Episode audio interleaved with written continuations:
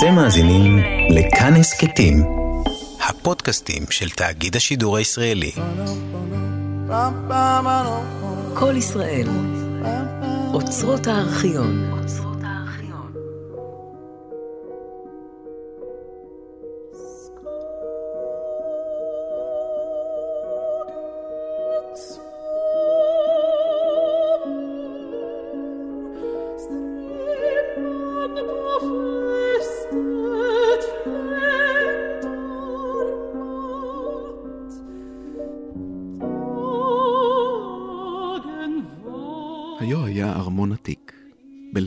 בלב יער גדול וסבוך, שבו גרה לגמרי לבדה אישה זקנה. היא הייתה ארכי קוסמת. במשך היום הייתה מתגלגלת בדמות חתול או ינשוף, אך עם ערב הייתה שוב לובשת דמות אדם. היא ידעה לפתות את חיות הבר ואת הציפורים להתקרב עליה, ואחר כך שחטה, בישלה וצלתה אותן. אם קרב מישהו למרחק מאה פסיעות מהארמון, הוא קפא על מקומו, ולא יכול למוש עד ששחררה אותו בדבריה. אבל אם הגיעה בתולה צנועה אל הטווח הזה, הפכה אותה הקוסמת לציפור, כלאה אותה בסל ונשאה את הסל לקיטון בארמון. היו לה אפוא בארמון שבעת אלפי סלים עם ציפורים נדירות שכאלה. פעם הייתה בתולה, ושמה יורינדה. היא הייתה יפה מכל הנערות האחרות. היא ובחור יפה ששמו יורינדה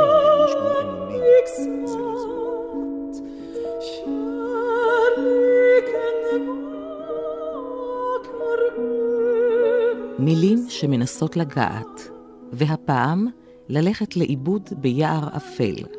רב שיח על מעשיות האחים גרים, היבטים פסיכולוגיים, חברתיים ותרבותיים. משתתפים המתרגם, הפרופסור שמעון לוי, והפסיכולוג, הדוקטור אבי באומן. קטעי קריאה, זוהר סדן. מראיינת ועורכת, רותי קרן.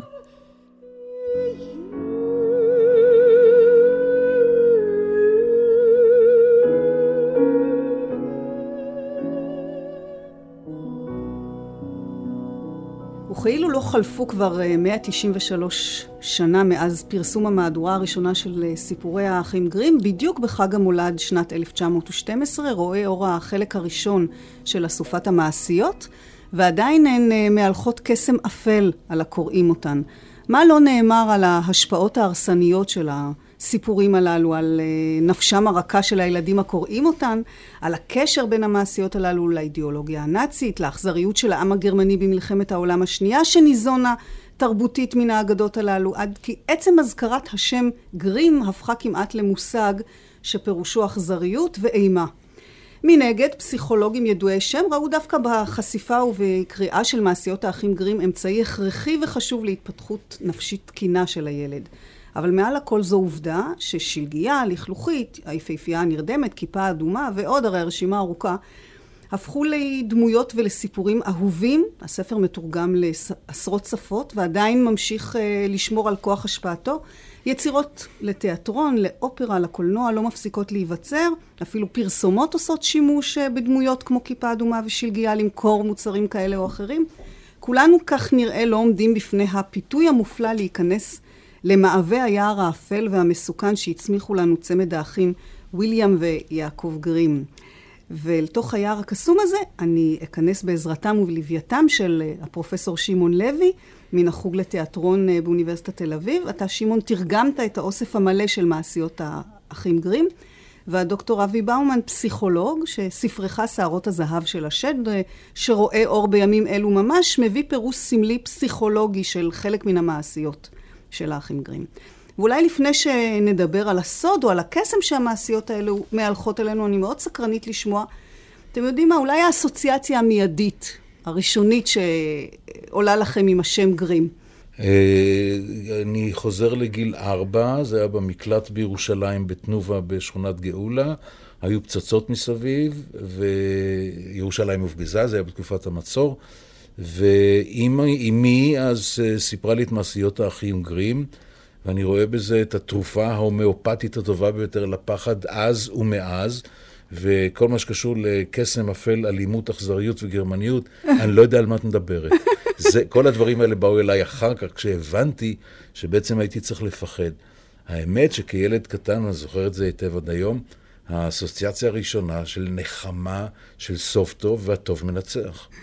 אבי. גם אצלי, האחים גרים זה, זה סיפורי ילדות, ששמענו אותם והתרגשנו איתם ופחדנו אותם, ו- ו- ו- ובסוף כמובן תמיד הסוף הטוב.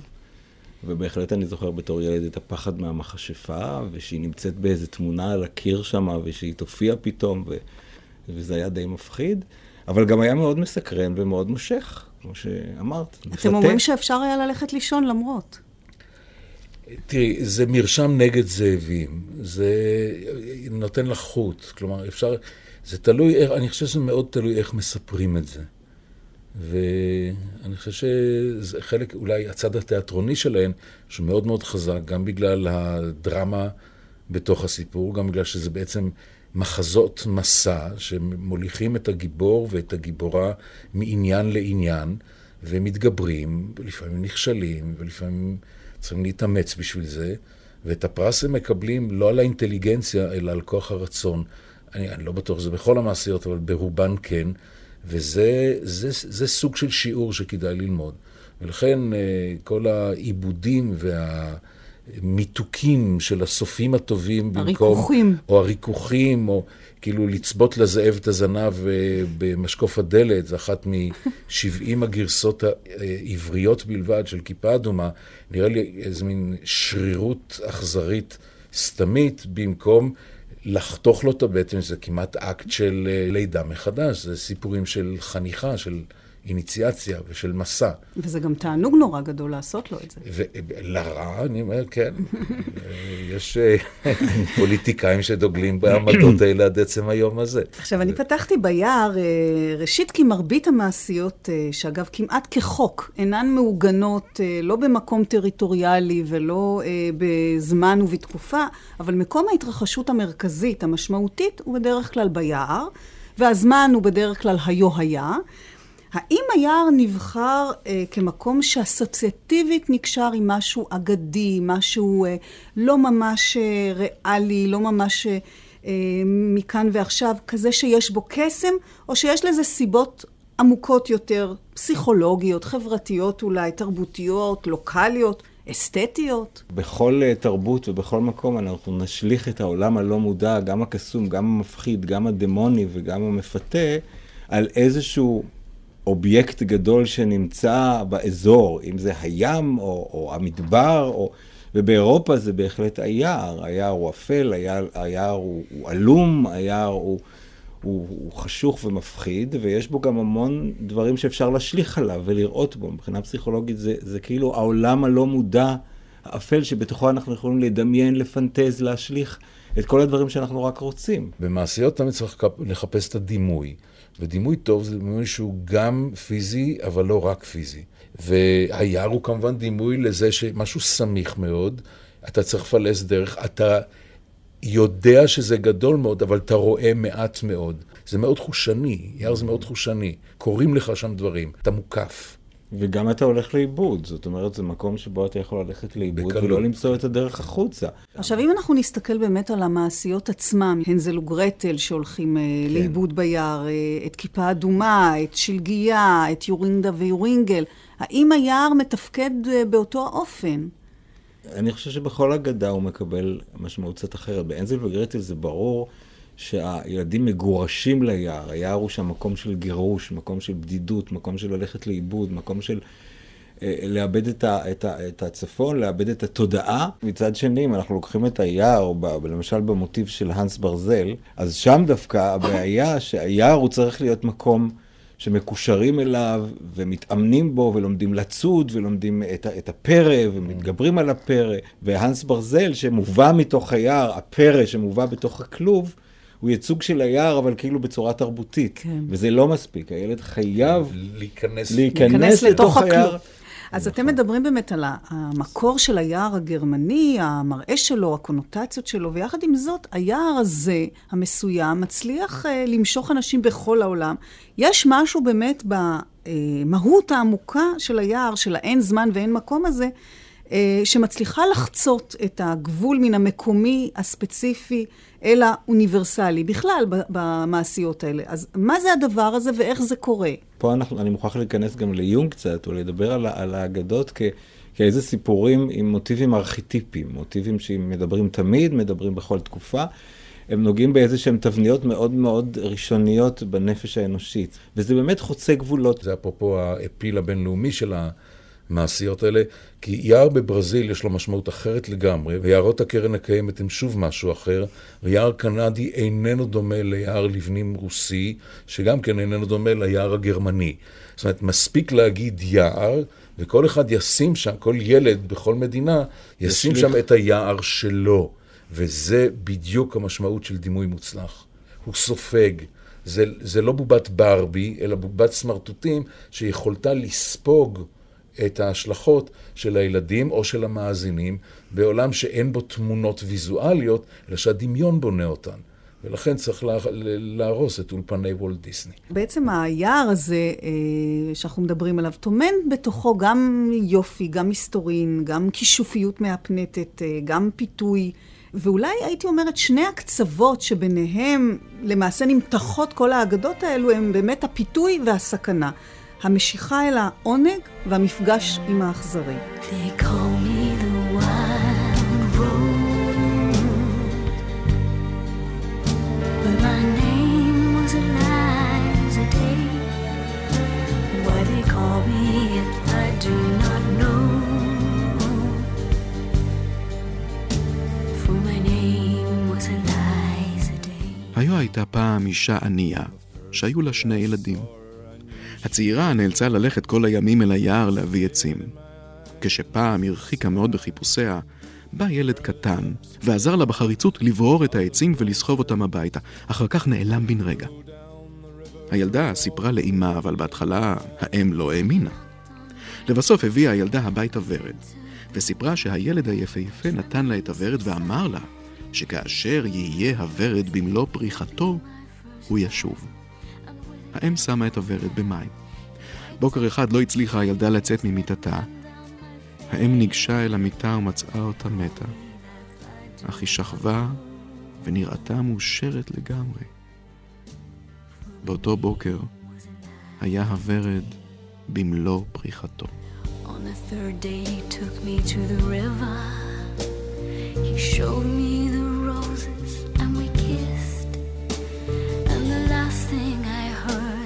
was a muttered word as he knelt above me with a rock in his fist. On the last day I took her where the wild roses grow. She lay on the bank, the wind lied as a thief, and I kissed her goodbye.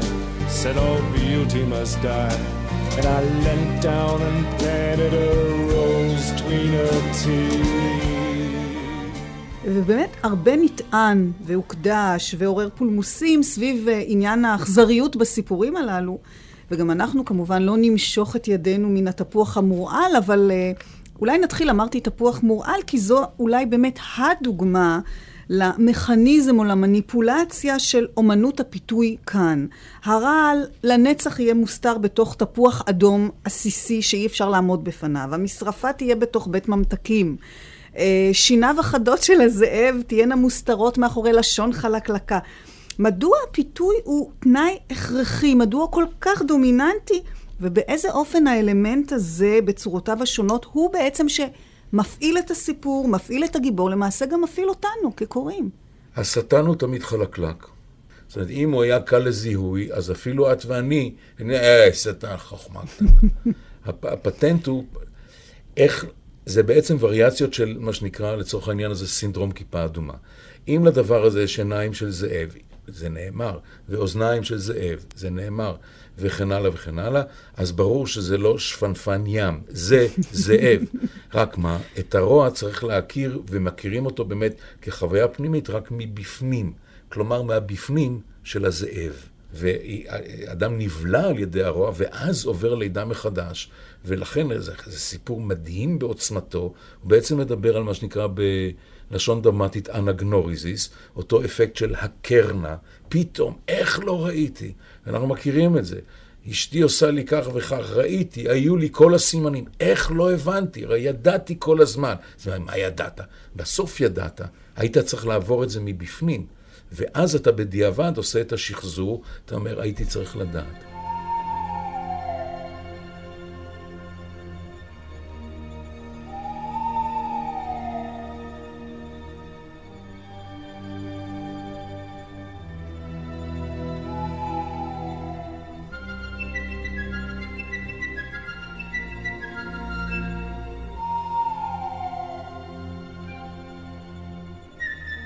בוקר טוב, כיפה אדומה, אמר. תודה רבה, זאב. לאן כה מוקדם, כיפה אדומה? לסבתא. מה את נושאת מתחת לסינר? יין ועוגה. אפילו אותה אתמול כדי להיטיב לסבתא החולה והחלשה או כדי שתתחזק. כיפה אדומה, היכן גרה סבתא שלך? כמהלך עוד רבע שעה ביער, מתחת לשלושת עצי האלון, שם עומד ביתה. הזאב חשב לעצמו, הנערה הצעירה והרכה הזאת היא נתח דשן, שיהיה טעים מהזקנה. עליך להתחכם להן כדי שתצליח לתפוס את שתיהן. שעה קלה הלך לצד כיפה אדומה, ואז אמר, כיפה אדומה, הביטי נא בפרחים היפים האלה כאן מסביב, מדוע לא תביטי סביבותייך? אני חושב שכלל אינך שומעת כמה נעימה זמרת הציפורים. הרי את מהלכת כאילו הלכת לבית הספר, והיער כל כך נחמד. כיפה אדומה פקחה עיניה לרווחה, וכשראתה כיצד מפזזות קרני השמש בין העצים ופרחים יפים בכל, חשבה, אילו הבאתי לסבתא זר פרחים רעננים, הייתה בוודאי שמחה מאוד. עדיין די מוקדם כדי שיגיע בזמן. היא סטתה מן הדרך אל תוך היער וחיפשה פרחים. כאשר כתפה פרח, חשבה שהלאה מזה תמצא יפה ממנו, ורצה אליו. כך העמיקה להיכנס לתוך היער. הזאב, לעומת זאת, הישיר דרכו אל בית הסבתא. הוא דפק בדלת. מי זה בחוץ? כיפה אדומה, מביאה עוגה ויין, פתחי. תלחצי על הידית, קראה הסבתא. אני חלשה מדי, אינני יכולה לקום. הזאב לחץ על הידית, הדלת נפתחה והוא צעד בלי לומר מילה ישר למיטת סבתא ובלע אותה. אז לבש את בגדיה, חבש את השביס שלה, נשכב במיטתה ומשך את הפרגוד. כיפה אדומה התרוצצה סביב הפרחים, וכאשר כתבה עד שלא יכלה לשאת עוד, שבה ונזכרה בסבתא ושמה פעמיה אליה. היא התפלאה שהדלת פתוחה, וכשנכנסה לחדר היא הרגישה ממש מוזר וחשבה, אלוהים אדירי, כמה מפחיד כאן היום. בדרך כלל אני דווקא אוהבת להיות אצל סבתא. היא קראה, בוקר טוב, אך לא קיבלה כל מענה. לכן ניגשה אל המיטה והסיטה את הפרגוד. שם שכבה סבתא כשהשביס שמוט על פניה, ונראתה משונה מאוד. היי, hey, סבתא, אילו אוזניים גדולות יש לך. שאוכל לשמוע אותך יותר טוב. היי, hey, סבתא, אילו עיניים גדולות יש לך. שאוכל לראות אותך יותר טוב. היי, hey, סבתא, אילו ידיים גדולות יש לך. שאוכל לתפוס אותך יותר טוב. היי, hey, סבתא, איזה לוע גדול ונורא יש לך. כדי שאוכל לטרוף אותך יותר טוב. עוד הזאב מדבר כך, וכבר זינק מהמיטה ובלע את כיפה אדומה המסכנה. כאשר השביע הזאב תאוותו, שב ושכב במיטה. נרדם, והתחיל לנחור בקולי קולות. עבר הצייד על פני הבית וחשב, איך שהזקנה הזאת נוחרת? עליי לראות אם לא חסר לה משהו. זה נכון לגבי ילדות קטנות שמזהירים אותן לא לסטות מן הדרך הנכונה. אין בק... בעניין הזה בית להם טעה, אין שום קשר לסקס בעניין הזה, כי הילדה על פי כל התיאור היא בת שבע בקושי. זה לא שאין להן סקסואליות, אבל היא ודאי מתבטאת אחרת. והיא לא צריכה לאסוף פרחים, היא הולכת אחרי החושים. ואז היא מתפזרת, כאילו ילדים קטנים הולכים אחרי זה. זה נורא יפה. לא רק היא הולכת אה, שבי, אלא גם סבתא שלה, שכבר מזמן הייתה צריכה להבין דברים כאלה. מה מסתבר? תשווי את זה לאנשים מבוגרים כמו המלך ליר, זיכרונו לברכה, של ויליאם שייקספיר, שגם כן הביא את שלוש הבנות שלו ושאל אותן, אה, בנות בגיל 80, מי הכי אוהבת אותי? זה, יא אבא, אתה לא מבין שלא שואלים שאלות כאלה. וארבע מערכות ושבע תמונות מאוחר יותר, פתאום הוא מבין, היה לו אפקט כיפה אדומה. פתאום הוא קלט. אני חושב אבל גם שהפיתוי הוא תמיד קשור באסור, ולעבור את הגבולות ולהיכנס לכל המצבים המפתים האלה, ואנחנו באמת רואים שם שיש כניסה אל העולם האחר. בכלל, כל העניין הזה של כניסה גם פנימה וגם לדעת, הוא תמיד קשור באיזשהו פיתוי. גם הנסיכה שעולה למגדל... אה, למגדל כשההורים אינם בבית, והיא בת 15 והיא רוצה לדעת מה קורה שם, זה מין סקרנות ופיתוי לאיזשהו עולם. היפיפייה הנרדמת. היפיפייה הנרדמת, או כפי שאנחנו קראנו לה, ורדית הדוקרנית, או משהו כזה. אז היא עולה למגדל והיא מסתקרנת, ואז היא פוגשת את הזקנה ונוגעת בקישור, והיא כאילו... מנסה לגלות את העולם. ובוודאי אם זה קשור בעולם האפל ובעולם האסור ובעולם היצרי, אז בהחלט זה מופיע פה הניגודים האלה. תראו, זה מעניין, כי כשנוגעים באותן אגדות, בהן האלמנט של הפיתוי אה, קיים אה, אה, והוא מאוד דומיננטי, באמת במקביל נמצאת ובולטת אכזריות מזהרת. והנושא הזה של האכזריות, גם אם הוא אינו המוטיב המרכזי במעשיות, הוא לבטח האלמנט שהכי מזוהה איתן. אה, רק אתה אומר האחים גרים, ואותכם אולי זה לא כל כך הפחיד שהייתם ילדים קטנים, אבל... אה, לא, אמרנו שזה קצת הפחיד. קצת, קצת, אבל אה, יש אנשים שרק שומעים את השם גרים, מתחילים לשקשק מפחד, כי, כי מה אין שם? החל מילדים שאמורים להישרף בתנור בהנזל וגרטל, דרך לא חבית... לא להישרף, להתעפות, כדי שיאכלו אותם. אה, אתה מדבר על אפייה. כן, זה אוקיי. אפייה. מה להשוות? זה לא דבר לשרוף ילד. גרטרוד. אוקיי, באמת לאפות ילד זה לא כל כך אכזרי.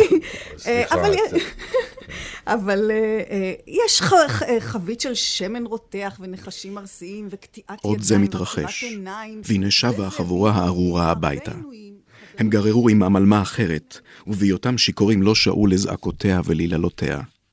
הם השקו אותה בשלוש כוסות יין, כוס יין לבן, כוס יין אדום וכוס יין צהוב, שמהן התפקע ליבה. אחר כך קרעו מעליה את בגדיה העדינים.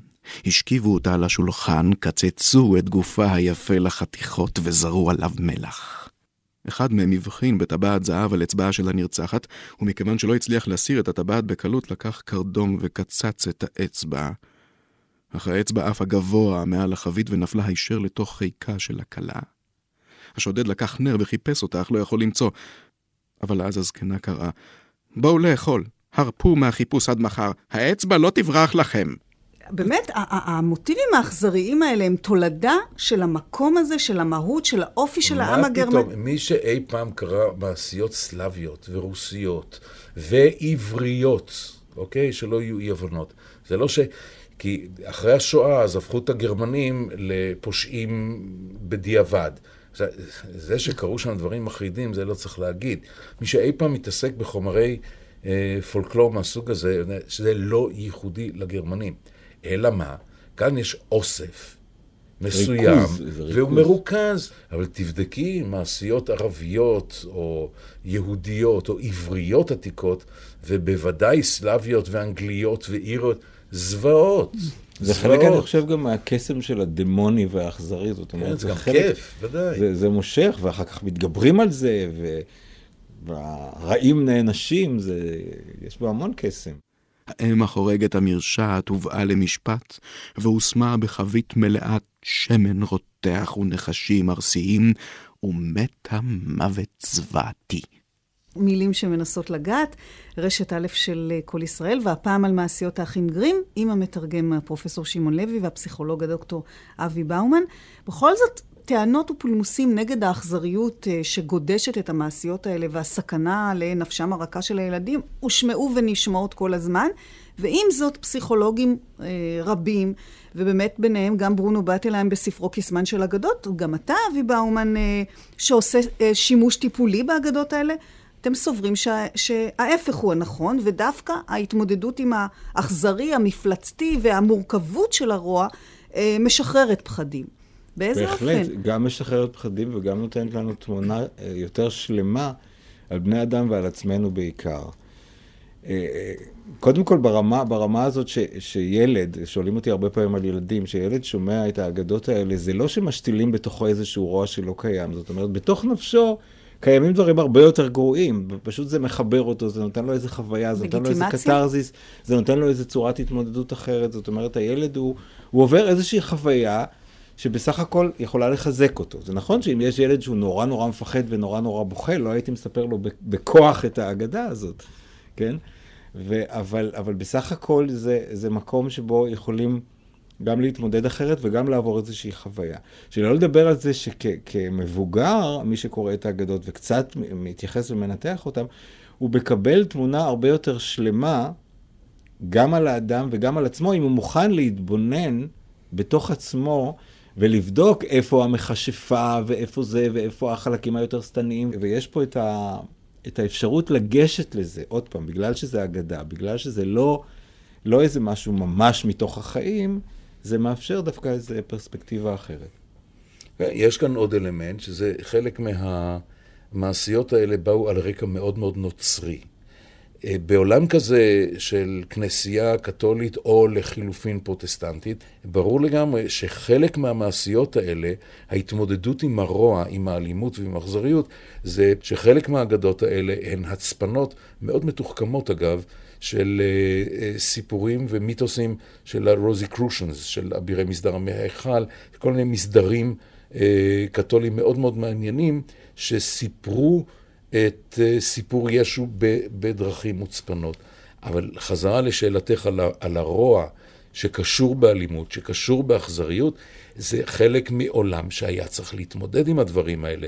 זה עולם של אנשים עניים, מרודים, שחיו מעט זמן, חיים קצרים, קשים, עם מחלות, סבל ומוות.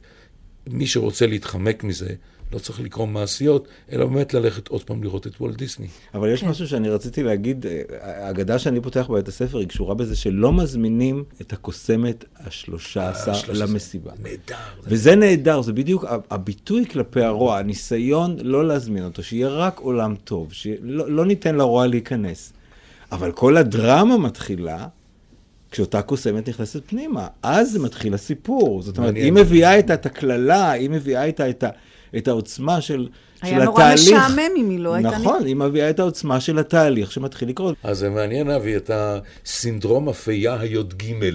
כאילו, רגע, חבר'ה, זה, זה לא כמו שחשבתם. זה נורא יפה. כן. יש גם הרבה הומור בדברים האלה. נכון. גרים, אחת הסיבות שגרים נחשבים לגרים, זה בגלל המילה האנגלית גרים, שפירושה קודר. הם לא כל כך קודרים, יש לפעמים המון הומור, נכון. ותלוי איך מספרים את זה. לא, זהו, שהסיפורים הקצרצרים האלה, הסיפור על הפרגית והתרנגולון, ו... הסיפור אדיר. אדיר. זאת אומרת, זה, עכשיו... זה כאילו... זה פשוט אה, אה, מקאברי בצורה... לא. וכולם ו- מתו. והעניין הוא... וכולם מתו. כן, ובסוף כולם מתים. הסיומת מדהימה. אני פשוט לא יכולתי להפסיק לצחוק רבע שעה. זאת אומרת, ואת זה... יודעת מה, רותי? זה לא מצחיק. זהו. היא רצתה לעזור לתרנגולון, והיא נשכבה על פני המים. משך התרנגולון את העגלה בעצמו, אך כשכבר כמעט עבר, הוא כבר הגיע עם הפרגית המתה ליבשה, רצה למשוך אליו גם את האחרים שישבו מאחור. הם היו רבים מדי. והעגלה התגלגלה לאחור, וכולם ביחד נפלו למים וטבעו. אז נשאר התרנגולון לבדו עם הפרגית המתה. קרא לה קבר. השכיב אותה בתוכו, ערם עליו תלולית, התיישב. התאבל עליה עד שמת גם הוא. ואז היו כולם מתים. אם דיברנו קודם שהפיתוי הוא איזשהו, הוא בא במין, כמסכה. זאת אומרת, יש משהו מאוד יפה שמסתיר מאחוריו את המסוכן ואת הרע, כאשר הדמות המפתה, המושכת והמכשפת, מן הסתם אכזרית ברוב המעשיות, היא המכשפה. אה, ואישית, יש לי, יש לי תחושה שאני לא לבד בעניין הזה. המכשפה הכי מפחידה, בכל אופן, כשאני הייתי בת חמש, אתם סיפרתם על הילדות שלכם, אני קיבלתי את הסיפור של שלגיה מתנה, וקראתי תוך עשר דקות את דפי הספר לגזרים קטנטנים, שלא יישאר זכר מן הספר הזה. ושנים רבות אחר כך אה, לא יכולתי לראות לא תמונות, לא לקרוא. שום דבר. אתה אומר, אבי, שהמעשיות האלה משחררות פחדים, אני מצטערת, אבל עד היום... אבל למה? הנה, הצלחת לקרוע וזה, ועשית איזה פעילות. יש ו- לי חרדה מן הדמות הזאת של האם המלכה בשלגיה, שהיא אגב מכשפה נורא יפה. בדיוק. ואחריה אולי ישנה המכשפה מנזל וגרטל, המכשפה ברפונזל, אבל גם מכשפות אחרות שגודשות את הסיפורים לא חסר. האם דמות המכשפה היא איזשהו, שוב, תוצר תרבותי של המקום ממנו אה, צמחו המעשיות האלה? האם היא תוצר לוואי של היער, או שהמכשפות בעצם נמצאות בחיינו, לפחות בחיינו הפנימיים, הנפשיים, כל הזמן, בכל מקום, ואולי כדאי באמת לציין שמרביתן של המכשפות במעשיות הללו הן אימהות, או למען הדיוק, אימהות חורגות. כן. לא, לא, זה לא, זה, זה שני טיפוסים שונים של נשים, רק למען הדיוק. Okay. אוקיי. יש מכשפות מקצועיות, ופה פשוט כדאי ללכת גם לצד ה, אה, של הסבר המילה. אה, הקסה, הקסה זה המילה בגרמנית למכשפה, והמקור של המילה הוא בהגצוסה, שפשוט זו שיושבת על הגדר. כלומר, היא דמות שמבחינה חברתית או מבחינה רוחנית, היא דמות לימינלית, כלומר, היא יושבת בין המותר לאסור. בשוליים. היא רואה לשני... בשוליים, בדיוק. והיא מבחינה ב, כאילו על, על, על, על דמדומים, גם מבחינת אה, בעצם פרקטיקות דתיות. שהן על, מאוד מפוקפקות לעיתים קרובות. וכל מיני. בדיוק, ואפלות, ולפעמים כוחות הרוע. כלומר, דברים שאנשים הכירו היטב מאוד בתרבויות שלהם. אבל בה במידה היא גם יודעת כל מיני דברים שאחרים, משתמשת בכוחה, אם לטובה ואם לרעה. עכשיו, יש דמויות אחרות, שכל מיני אימהות חורגות, שלפעמים הן באותה הזדמנות גם מכשפות, אבל בואי, זה גם במונח קלפטה, צריך להבדיל בין באמת ובכאילו. אז יש... שמעון עושה לנו כן. סדר. אבל מבחינת, מבחינת באמת הכוח של האם, ואני חושב שלא סתם, זאת אומרת, דווקא המכשפה האימהית כביכול, היא הכי חזקה והיא הכי מופיעה בהגדות. למרות שיש גם מכשפות של נשים יותר צעירות, והן משתמשות בכישוף שקשור במיניות או קשור בתחומים אחרים. פה מדובר על מכשפה שהיא מכירה את הסודות הכי עמוקים, גם של הגידול של הילדים וגם של הלא מודע, והיא יכולה להשתמש בילדים לצורך שלה. עכשיו, את נתת את הדוגמה של, של המכשפה הכי מפחידה, כי זאת המכשפה הנרקיסיסטית. שזה כוח, ובייחוד בעולם שלנו, הוא כוח מאוד מאוד חזק. זאת אומרת, זה בעצם אנטי-אימא, גם לא מופיע דרך אגב בכל ההגדה הזאת אימא, מופיע המלכה.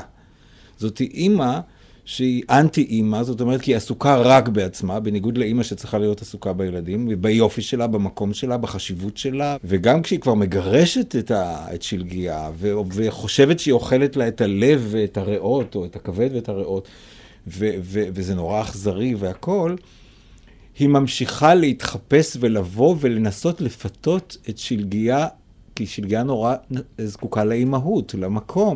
והפיתוי של שלגיה בהגדה הזאת זה שהיא כל הזמן רוצה את האימהות הזאת. היא רוצה את התפוח, היא רוצה את המסרק, היא רוצה את השרוך. אבל זו דוגמה אחת לכוח הכישופי. שיש לה אימא היפה והמפתה, שאתה כל הזמן מחכה לקבל ממנה משהו, אבל בסוף היא עסוקה רק בעצמה.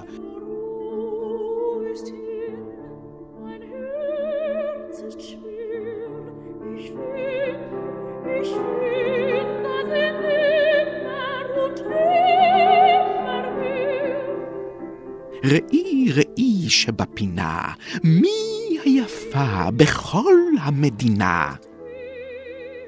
והראי ישיב כמו קודם, גברת מלכה, את היפה מכל הנתינים, אך שלגיה, מעבר להרים אצל שבעת הגמדים, יפה ממך אלפי מונים. כששמעה את הראי מדבר כך, רעדה ורטטה מכעס. על שלגיה למות, קראה. אפילו יעלה לי הדבר בחיי שלי. אחר כך הלכה לחדר נסתר ומבודד שאיש לא נכנס אליו, והכינה תפוח מורעל. קליפתו הייתה לבנה עם לחיים אדומות, ונראתה כה יפה, שכל הרואה אותו יתאווה אליו. אבל האוכל ממנו, ולו חתיכה קטנה אחת, מות ימות. כשהיה התפוח מוכן, צבעה פניה, התחפשה לעיקרה, וכך הלכה אל מעבר לשבעת הערים על שבעת הגמדים. היא דווקא שלגיה הושיטה את ראשה מן החלון ואמרה, אסור לי להכניס אף אחד, שבעת הגמדים אסרו עליי. מצידי זה בסדר, ענתה היקרה. אני פשוט רוצה להיפטר כבר מהתפוחים שלי. הנה, אני אתן לך אחד במתנה. לא, אמרה שלגיה, אסור לי לקבל דבר. את פוחדת מרעל? אמרה הזקנה. תראי, הנה, אני חותכת את התפוח לשני חלקים. את תאכלי את הפלח האדום, אני אוכל את הלבן. אך התפוח הוכן באומנות כזו, שרק החצי האדום היה מורעל. שלגיה חשקה מאוד בתפוח היפה, וכשראתה שהעיקרה אכלה ממנו, לא יכלה עוד להתאפק.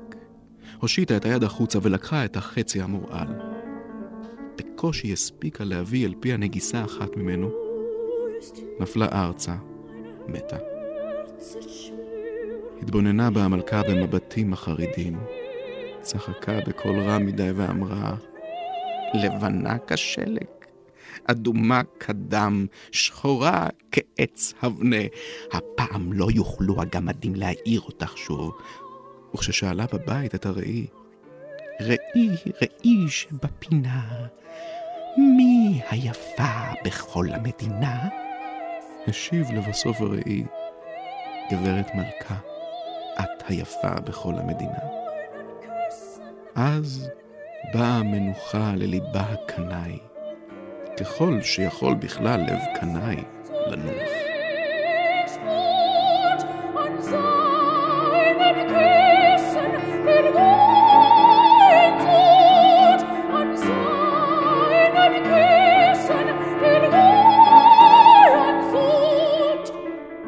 מה לגבי מכשפות אחרות? המכשפה? בהנזל וגרטל זאת מכשפה שהיא בעצמה נורא רעבה, אין אוכל. זאת אומרת, הרעב בחוץ ואולי הרעב בפנים, אין אוכל, והיא פוחדת שאם היא תיתן לילדים זה יהיה על חשבונה. אז היא גם היא מפטמת גם אותם שיהיה מה רעבה לאכול. לאכול את הילדים, זאת אומרת, איזו אימא מאוד רעבה. במובן הזה, היא כאילו עושה בשבילך, אבל היא, בסוף היא באמת רוצה לבלוע את הילד. ומעניין שבית הסוכריות והעוגיות זה אוכל קלוקל, זה junk food תרבותי. הילד הוא הבשר האמיתי, וכאן אני בהחלט קונה את ההסבר שאתה נתת, זה מקובל עליי לגמרי. כאן באמת נעשה איזשהו פיצול, שאם היא רעה, אז היא חורגת. כי בדרך כלל, זה באמת לא האמא, חוץ מאולי באמת בילד העקשן, ששם זה האימא האמיתית. כן, זה די לא נדיר שהאימא האמיתית, כי היא לא אמיתית אם היא רעה, אמיתית זה רק טובה.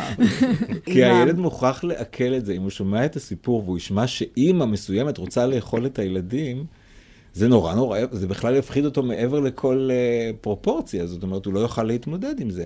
אז יש את האימא הטובה, זה בטח האימא שלו, ויש את האימא הרעה, שהיא האימא של הילדה הזאת, או של הילד הזה, היא רחוקה, היא לא שלו, ואז הוא יכול להסתדר עם המצב. באמת, הפיצול פה מאוד עוזר ל...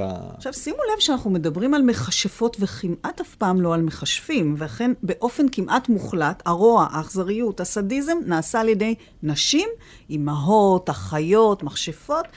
אה, ולפני שאתה תיתן אה, אולי את ההסבר הפסיכולוגי, אבי, לעניין הזה, אני רוצה לשאול אותך, שמעון, כמי שמצוי בתרבות ובספרות הגרמנית, האם אפשר למצוא כאן איזושהי גישה חברתית אנטי-פמיניסטית אולי אפילו, שמקורה בעצם בעובדה שאת הסיפורים, אה, אמרנו, אמנם לא כתבו, ליקטו, שכתבו, איבדו, גברים. מדוע הרוע תמיד נמצא אצל האישה? קודם כל, אני לא מסכים שזה המצב. יש הרבה מלכים שמצווים לעשות כל מיני דברים רעים. יש בעלי מקצוע שעושים דברים רעים. למה לא זוכרת יש אותם גם אבות. דווקא? ביג... או, יש גם אבות רעים. ויש. אבות רעים. באיזשהו מקום מבחינה פסיכולוגית אנחנו גם רואים את זה, שהכוח הנשי הוא יותר מחובר ללא מודע. הכוח הגברי הוא פועל בדרך כלל בחוץ ובמציאות ובעשייה ובמשימה, וב... ככה שנשים היו הרבה יותר קרובות לסודות של הלא מודע, לאפשרות, אה, כן, להקסים, לחשף ולעשות כל מיני דברים עם, עם דברים יותר נסתרים. ולכן אני חושב ש... שיש יותר מכשפות. והאבות הרעים הם לא, הם לא מכשפים. החלק הרע שלהם הוא הרבה פעמים בחולשה. נכון. בחולשה, האב הנעבך, האב החלש, שסר למרותה של, ה... של נכון, הגברת. הגברים, ב- ב- ברוב האגדות, הגברים פה הם באמת אה, אה, מלכים חלשים, נסיכים ענוגים וממש, הרבה מהם ישנים ונרדמים. יש כל מיני, יש הנסיך שלא ידע פחד, ויש כל מיני גיבורים שעשו, ושני אחים. לרוב הנשים הן נשים חזקות, זאת אומרת, הן פועלות, הן מניעות. למעט אולי שלגיה שצריכה לנקות ולסדר לגמדים את הבית, שהייתה לי בעיה עם העניין הזה. לא, אבל שם, שם זה ההסבר שלי, שהיא צריכה ללמוד לתת ולקבל כדי לא להפוך לנרקיסיסטית. אהה, היא. הרי נסיכה, בדי- הן צריכות, כן. בדיוק, אני מקבל את זה לגמרי, הן צריכות לעשות משהו, להיות נסיכה זה לא מספיק. בדיוק, הם כל הזמן, הם יורדות כאילו, הן קודם כל... בוודאי עוברות תהליך שלם. בדיוק, שמלמטה הן מותק, מתחילות. תלמדי מקצוע. תראה, אבל למשל הנ- הנסיכה בנסיכת צפרדע, אה, שהיא ממש נסיכה מפונדרקת וסטרילית, אה, היא עושה את זה באופן אחר. היא מורדת ב- באבא שלה, ובניגוד לכל הגרסאות המרוככות של הסיפור הזה, היא לא מנשקת את הצפרדע, כמו שרובנו אולי אה, מכירים, אלא דווקא זורקת אותו, מתיחה אותו בקיר באכזריות. כן, זה באמת, אני חושב, תהליך שאנחנו לא חושבים עליו. אנחנו תמיד חושבים שהשינוי והטרנספורמציה והיציאה מהכישוף היא דרך אהבה ונשיקות. הנשיקה, כן. לא. ולא תמיד, הרבה פעמים זה בלתת פורקן. אולי זה מה שגברים אוהבים. ולתת פורקן. רגע, רגע, רגע, רגע, זה, סליחה, אני לא יודע אם את זוכרת את הסיפור, נדמה לי שאת אמרת שהיא זורקת את הצפרדע על הקיר. היא זורקת, נו, אולי הגבר אה, צריך אלימות. ש... הוא עוד לא גבר, הוא צפרדע, אחר כך אפשר לדבר על משהו. בשלב הזה הוא הוא עוד לא לא גבר. מופיע כגבר, הוא מופיע כיצור חלקלק וקר ואינטרסנטי, ועושה איתה משא ומתן, ורק רוצה את החברות ואת האהבה ונדבק אליה. היא אומרת לו, אם אתה רוצה להיות נסיך, תהיה נסיך, זורקת אותו. אני לא מוכנה לקבל. צפרדע. ובקטע הזה היא גם עושה את ההשתחררות שלה, מהסטריליות, אה, ומה... והיא מתחברת ל... כן, ל- לגץ ולזה, ואז היא גם נעשית בעצמה אישה. היא הלכה ופתחה את הדלת. קיפץ הקרפד פנימה ועקב אחרי רגליה עד הכיסא שלה. שם התיישב וקרא, הרימי אותי אלייך. עכשיו קרבי אליי את צלוחית הזהב שלך, כדי שנאכל ביחד. היא אמנם עשתה כן, אבל ראו היטב שלא עשתה זאת ברצון. הקרפד אכל בתיאבון, אבל לבת המלך נתקעו כמעט כל נתחי האוכל בגרון. לבסוף אמר, אכלתי לשובע. אני עייף. שאי אותי אל קיתונך והציעי לי את מיטת המשי שלך, שם נשכב שנינו לישון. בת המלך החלה לבכות, ופחדה מהקרפד הקר שאפילו לא העזה לגעת בו, ואשר עתה אמור היה לישון במיטתה היפה והנקייה. אבל המלך התכעס ואמר, אל לך לבוז למי שעזר לך בשעת מצוקה. היא אחזה בקרפד בשתי אצבעות, נשאה אותו למעלה והושיבה אותו בפינה. אבל כששכבה במיטה, בא בזחילה ואמר, אני עייף. אני רוצה לישון היטב כמוך. הרימי אותי או שאספר לאביך. אז התרגזה מאוד. הרימה אותו מעלה וזרקה אותו בכל הכוח אל הקיר. עכשיו תנוח, קרפד מגעיל. יש גם, אני חושב, ביטוי מסוים לפחד מהנשי. זאת אומרת שגברים, וזה גם האגדה מביאה, גם בכחול הזקן וגם באג- באגדות אחרות, זה שהאישה עם הכוח שלה, עם העוצמה שלה, עם הידע שלה של הלא מודע, עם הידע של כל מיני סודות, שהגבר לא יודע, היא מפחידה, מה היא תעשה לי, לאן היא תכשף אותי? אני אתאהב בה, אני אסחף, זה- אני אאבד את התודעה, אני אאבד את עצמי. זאת אומרת, אני חושב שיש פה גם את הפחד מה, מה, מהכוח של האלמנט הנשי באגדות. זה, פחד זה בהחלט- מיחסים ופחד באמת מאהבה. כן. אה, אנחנו עוד מעט נדבר על אהבה, אבל אם אנחנו מדברים באמת על נשים, גברים, נסיכים, נסיכות, זאבים, עולה באמת השאלה הזאת של, של יחסים, של קשר, של אהבה, ושוב, במין איזה סוויץ' מעוות, אה, אמרנו שהאכזריות היא אלמנט דומיננטי במעשיות האלו, אה, לא פחות מכך אפשר לומר, לאור הפרשנויות העמוקות יותר, לגבי העניין של המיניות, אלא שהמיניות, בניגוד אולי למצופה, לא באה לביטוי באופן המוכר והרגיל. כלומר, בתוך, אה, כביטוי לאיזושהי מערכת יחסים אינטימית בין גבר לאישה, אלא כאיזשהו מוטיב שעומד בפני עצמו, הרבה פעמים ללא קשר בכלל ליחסים ולאהבה ולתשוקה. ואני שואלת אתכם, מה הערך המוסף של האופן המסוים הזה שבה המיניות מוצגת ומיוצגת אומנותית עבור הקורא? אני חושב שאני אני רואה שהמיניות מו- מופיעה בצורה מאוד סמויה, היא קיימת שם, בחלק מהזה. לאו דווקא הייתי קופץ לכל אה, דבר ולעשות ממנו מיניות, כי זה כבר ההשלכות שלנו על הדברים. אבל יחד עם זה, יש בהחלט, אה, אם, אם זה למשל, אה, אפילו מיניות אינססטואוזית ישנה. יש, יש לנו את האגדה המפורסמת של, כן. של כל מיני פרוות, כל מיני אורות. יש פה משהו שהאב רוצה להתחתן עם בתו, והיא היחידה שיפה לפחות כמו האימא שמתה. והוא בעצם מפתה את הבת, כמובן למען הצרכים שלו, ויש שם רמזים מאוד מאוד מאוד חזקים. מובהק. מאוד זה מובהק סיפור מאוד לעניין- נועז מהבחינה הזאת. כן, מאוד הכלל. לעניין של הגילוי עריות, והיא צריכה לברוח בסופו של, של דבר מהבית, ולהסתתר ולהסתיר את המיניות שלה מאחורי מעיל של פרוות, ולהיות מודחקת חייתית, לגמרי. כאילו, כן. חייתית לגמרי. בשביל לשמור על האנושיות. לשמור על האנושיות כן. והנשיות שלה, ואז היא מוציאה את המיניות שלה לאט לאט, עד שבסוף, בכל זאת גם המלך צריך לקחת את, ה, את הכוח, והוא בכל זאת מוריד לה את המעיל של הפרווה בכוח. מה גם שהסיפור הזה, אני חושב שהוא באמת יוצא מן הכלל ב, במידת המפורשות של המיניות. זה באמת דוגמה נדירה. ברוב המקרים אצל גרים, הם עשו את הצנזורה שלהם, הם לא בחרו באגד, במעשיות מפורשות מדי, וגם אם היו בהם אלמנטים מפורשים, הם הסתירו אותם היטב. נו מה, הקישור והתפוח, אה, שמעון. לא, אבל זה עדיין אה, סימבוליקה, שאת יכולה להגיד שהיא. כן מינית או לא. קישור לא נראה לי, לא, לא כל דבר ש... לפעמים גם... אה, אם מסתכלים בצורה סימבולית, בוא נגיד שלא כל זין זה פלוס, בסדר? כאילו להגיד את זה בעדינות. זה לחתוך בבקשה. כן. לא, באמת, כאילו, קישור להפך, קישור מדובר על סיכה, במקרה הזה, שדקרה אותה ועוררה את תודעתה, או הרדימה אבל- אותה. אבל- זה המפתח.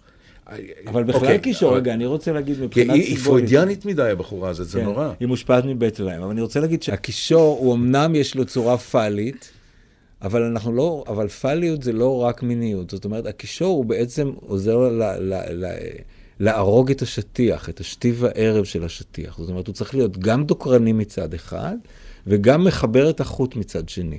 זה סימבול מאוד מורכב. זאת אומרת, יש פה את, ה, את החיבור בין הטוב והרע של החיים, והיא צריכה לגעת בחיים באיזשהו מקום, זה לא רק המיניות. טוב, אז בואו נדבר אולי קצת על אהבה, למרות שגם uh, כאן uh, uh, זה לא לגמרי uh, פשוט, וזה לא כמו שאני אגיד במרכאות, אהב, אהבה מן האגדות. אתה, אבי, מדבר בספר שלך על זה שאותן נערות או נסיכות uh, לא ממש מתאהבות בנסיכים שבאים להציל אותן.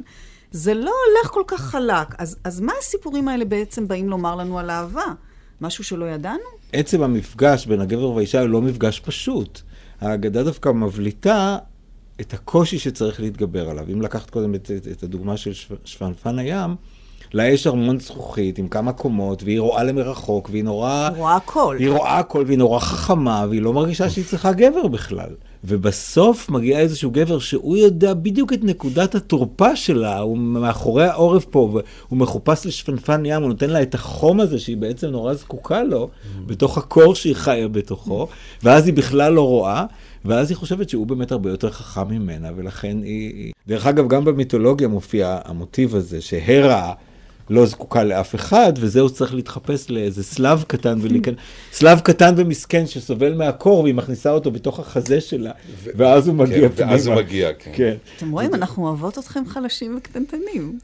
שמו לב. זה פחות מאיים, אני חושב. נדמה לי שיש כאן עוד רובד שכדאי להתייחס אליו, והוא לא רק הרובד הגופני ולא רק הרובד הנפשי-פסיכולוגי, אלא בחלק מהסיפורים, הרובד הדתי שסוחב לאזורים רוחניים, לאיזו השלמה עם האני האמיתי. זה שהאני פוגש את המשלימה האמיתית שלו. אם זה גבר, אז את הפן הנשי. אם זה אישה, אז את הפן הגברי. וזה דווקא בגלל העידון הזה, שהוא הרבה פעמים מרמז לכיוון הזה. וזה לא בא בקלות, זה הנקודה. אני חושב שהאגדות, הם, הם, מה שמעניין בהם, כמו במיתוסים, זה שצריך לעשות איזשהו מסע, איזושהי דרך, איזושהי פעולה, איזושהי טרנספורמציה. זה לא... אחרת זה לא מעניין. זאת אומרת, הדרמה היא ב, ב, במאבק, בהשתנות, ב, במציאת הדרך, ב...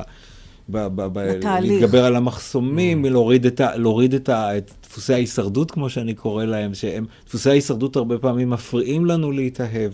אני רוצה לסיום לשאול אתכם על האימפקט הגדול של המעשיות הללו. מה, מהו בעצם אותו גרעין אמת, לא אמת ריאלית, אבל אמת שיש במעשייה הזאת, שמשפיע, שמקסים, ששווה, שמפעיל שנים רבות כל כך? כל העניין הזה של הדרך של הגיבור מאוד מעניין וגם פסיכולוגית באמת נותן לנו אפשרות להסתכל על החיים כמו איזה סיפור, גם הסיפור של עצמך, אתה כגיבור, אתה כ- כגיבור שעובר את הסיפור שלך.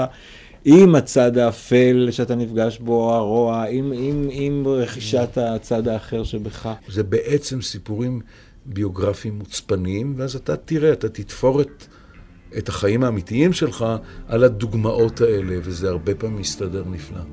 אתה רוצה לקחת ואיננה שרה עוד. החתולה לקחה אותה, וגם אמך תשרוט ותנקר את עיניך. בשבילך רפונצל אבודה. לא תראה אותה עוד לעולם. הוא קלט קול שנשמע לו מוכר מאוד. קרב אליו, וכשהגיע, הכירה אותו רפונצל, נפלה על צווארה ובכתה.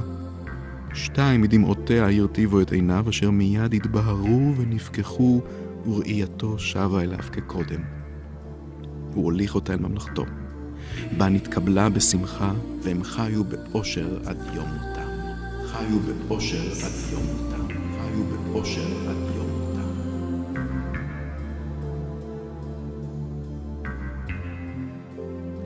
בתוכנית מילים שמנסות לגעת שמענו שיחה על מעשיות האחים גרים. השתתפו המתרגם, הפרופסור שמעון לוי, והפסיכולוג, הדוקטור אבי באומן. קטעי קריאה, זוהר סדן. ראיינה וערכה, רותי קרן. כל